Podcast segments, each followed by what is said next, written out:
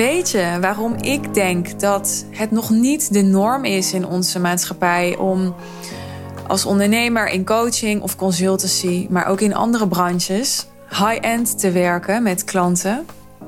Het is misschien een andere reden dan je verwacht. En het is ook niet de enige reden, maar het is wel de meest onderschatte reden.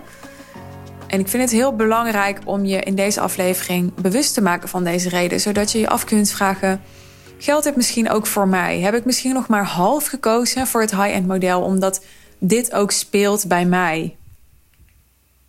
Wat ik veel zie gebeuren bij ondernemers die een meer low-end model prefereren boven een meer high-end model, is dat ze denken dat ze op die manier meer passief inkomen kunnen creëren. Oftewel, dat ze denken dat ze op die manier meer vrijheid kunnen creëren voor zichzelf. Want ze denken, ja, als ik high-end werk, dan moet ik één op één met klanten blijven werken. dus dan wordt mijn uh, agenda meer belast. Dan ben ik minder vrij. Dan verdien ik niet per se geld als ik slaap of op vakantie ben.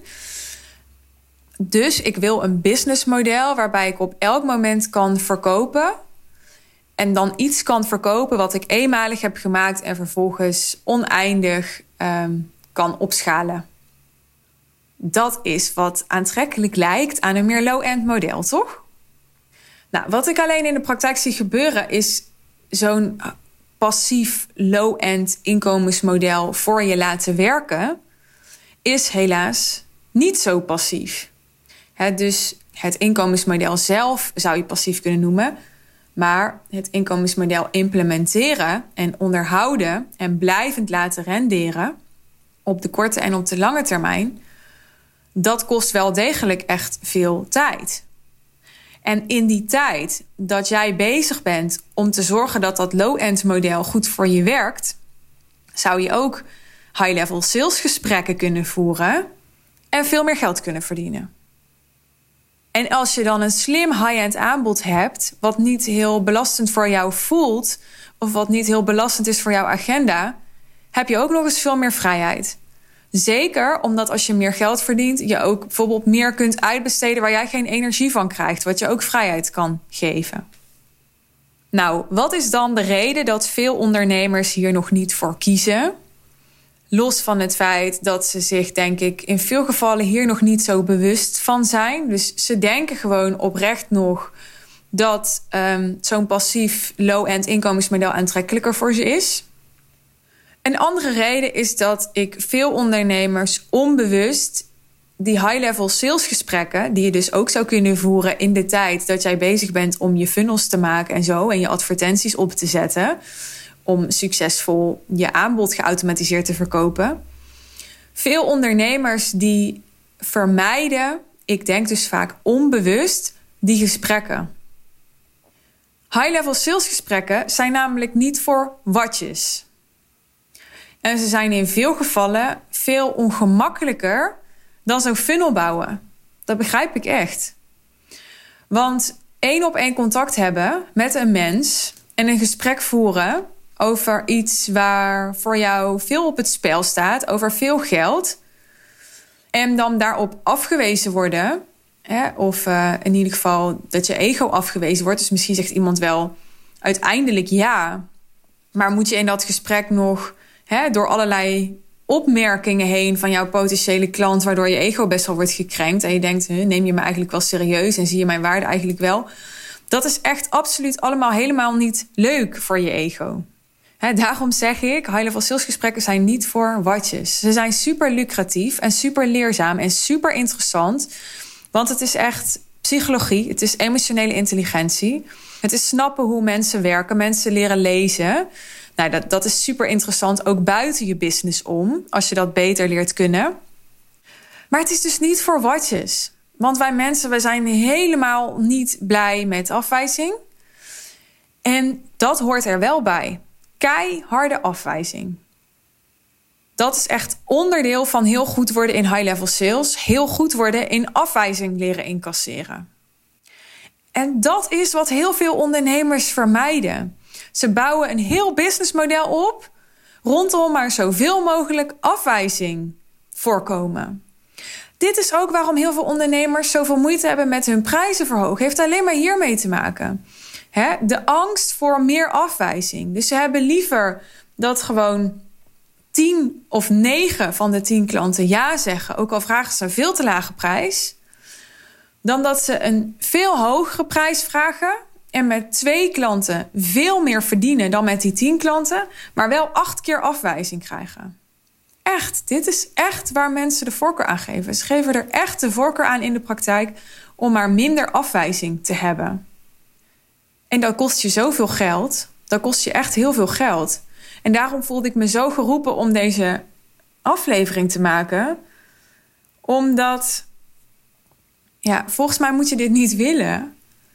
Want het maakt je zoveel sterker als ondernemer, maar ook als mens. Als je die afwijzing niet vermijdt, maar als je die aangaat, als je er mee leert omgaan. En los daarvan, los van dat je sterker wordt, die skills die je leert door high-level salesgesprekken te voeren, die skills zijn goud waard voor alle aspecten in je business.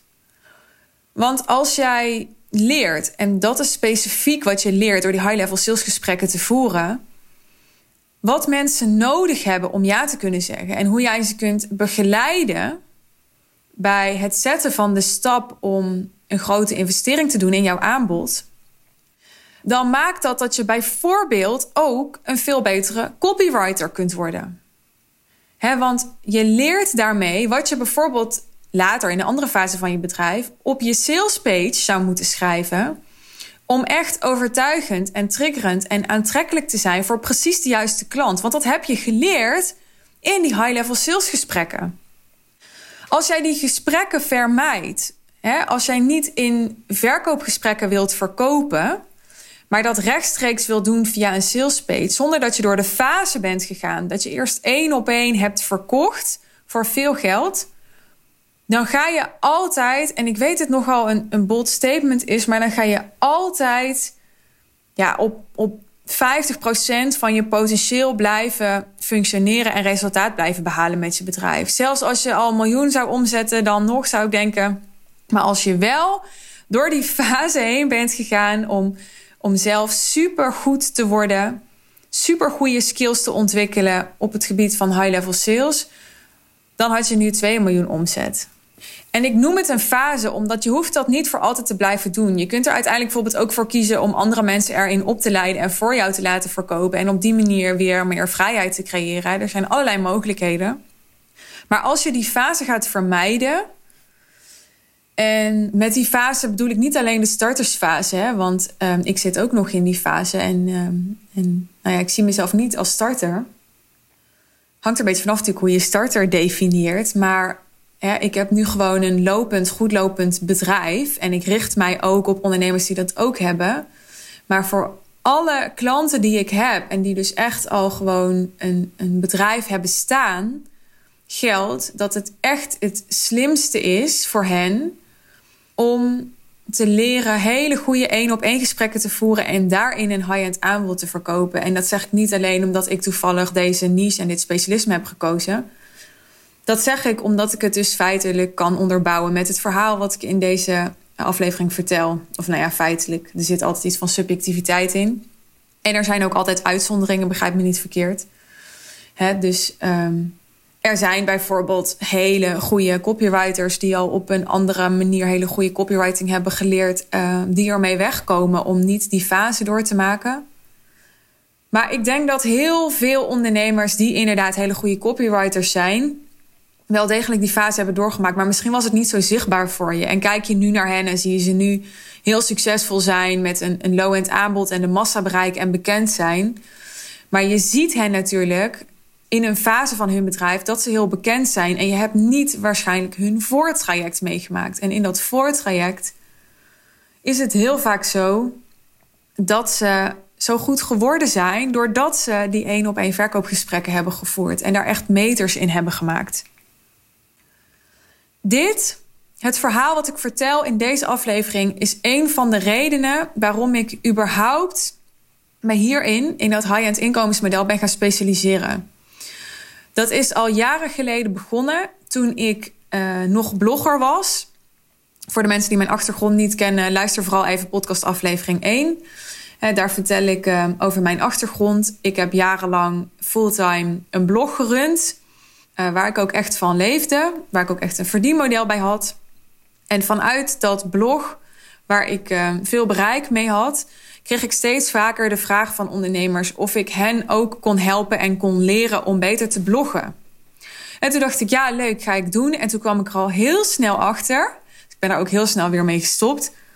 Dat de mensen die wilden leren bloggen, mensen waren die vooral niet wilden verkopen dus ze zagen bloggen als een soort kans om maar niet te hoeven verkopen. Want dan konden ze een blog schrijven en dan zouden mensen automatisch daarna wel hen mailen en zeggen: Mag ik alsjeblieft klant worden? Zo werkt het dus niet. Maar hetzelfde principe zie ik nu nog steeds in de markt gebeuren.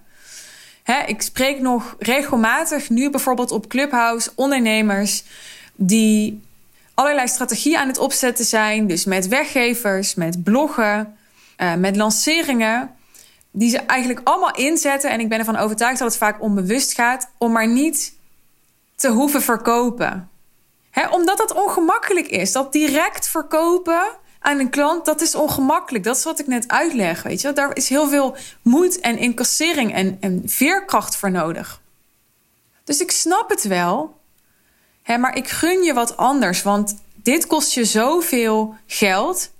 En ja, dit is zo'n. Uh, kapitaalvernietiging. Zo zonde en zo onnodig ook. Want als je het wel aangaat, als je wel die high-level sales skills gaat leren, ontdek je al heel snel dat het allemaal heel erg meevalt. Want die angst voor afwijzing, die, die kun je echt prima overwinnen. En bij elke nee die je krijgt, ga je meer voelen: oh, ik leef nog. Weet je wel? En zo erg is het helemaal niet.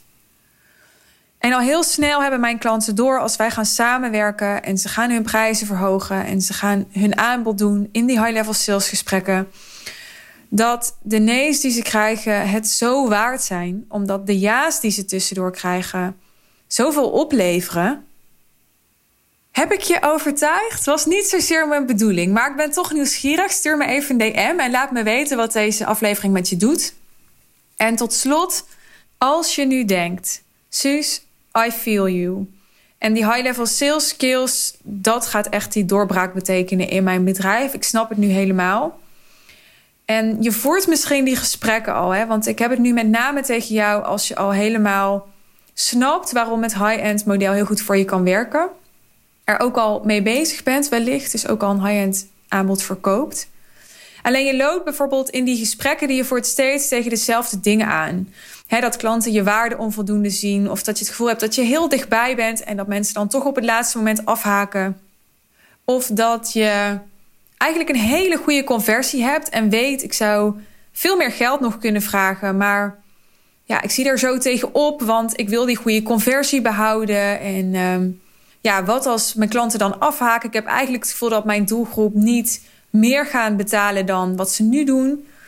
Bij al die vraagstukken wil ik tegen je zeggen: kom op 18 maart en dat is bijna, dus stel niet uit en ga naar de link in mijn profiel en uh, score direct je ticket.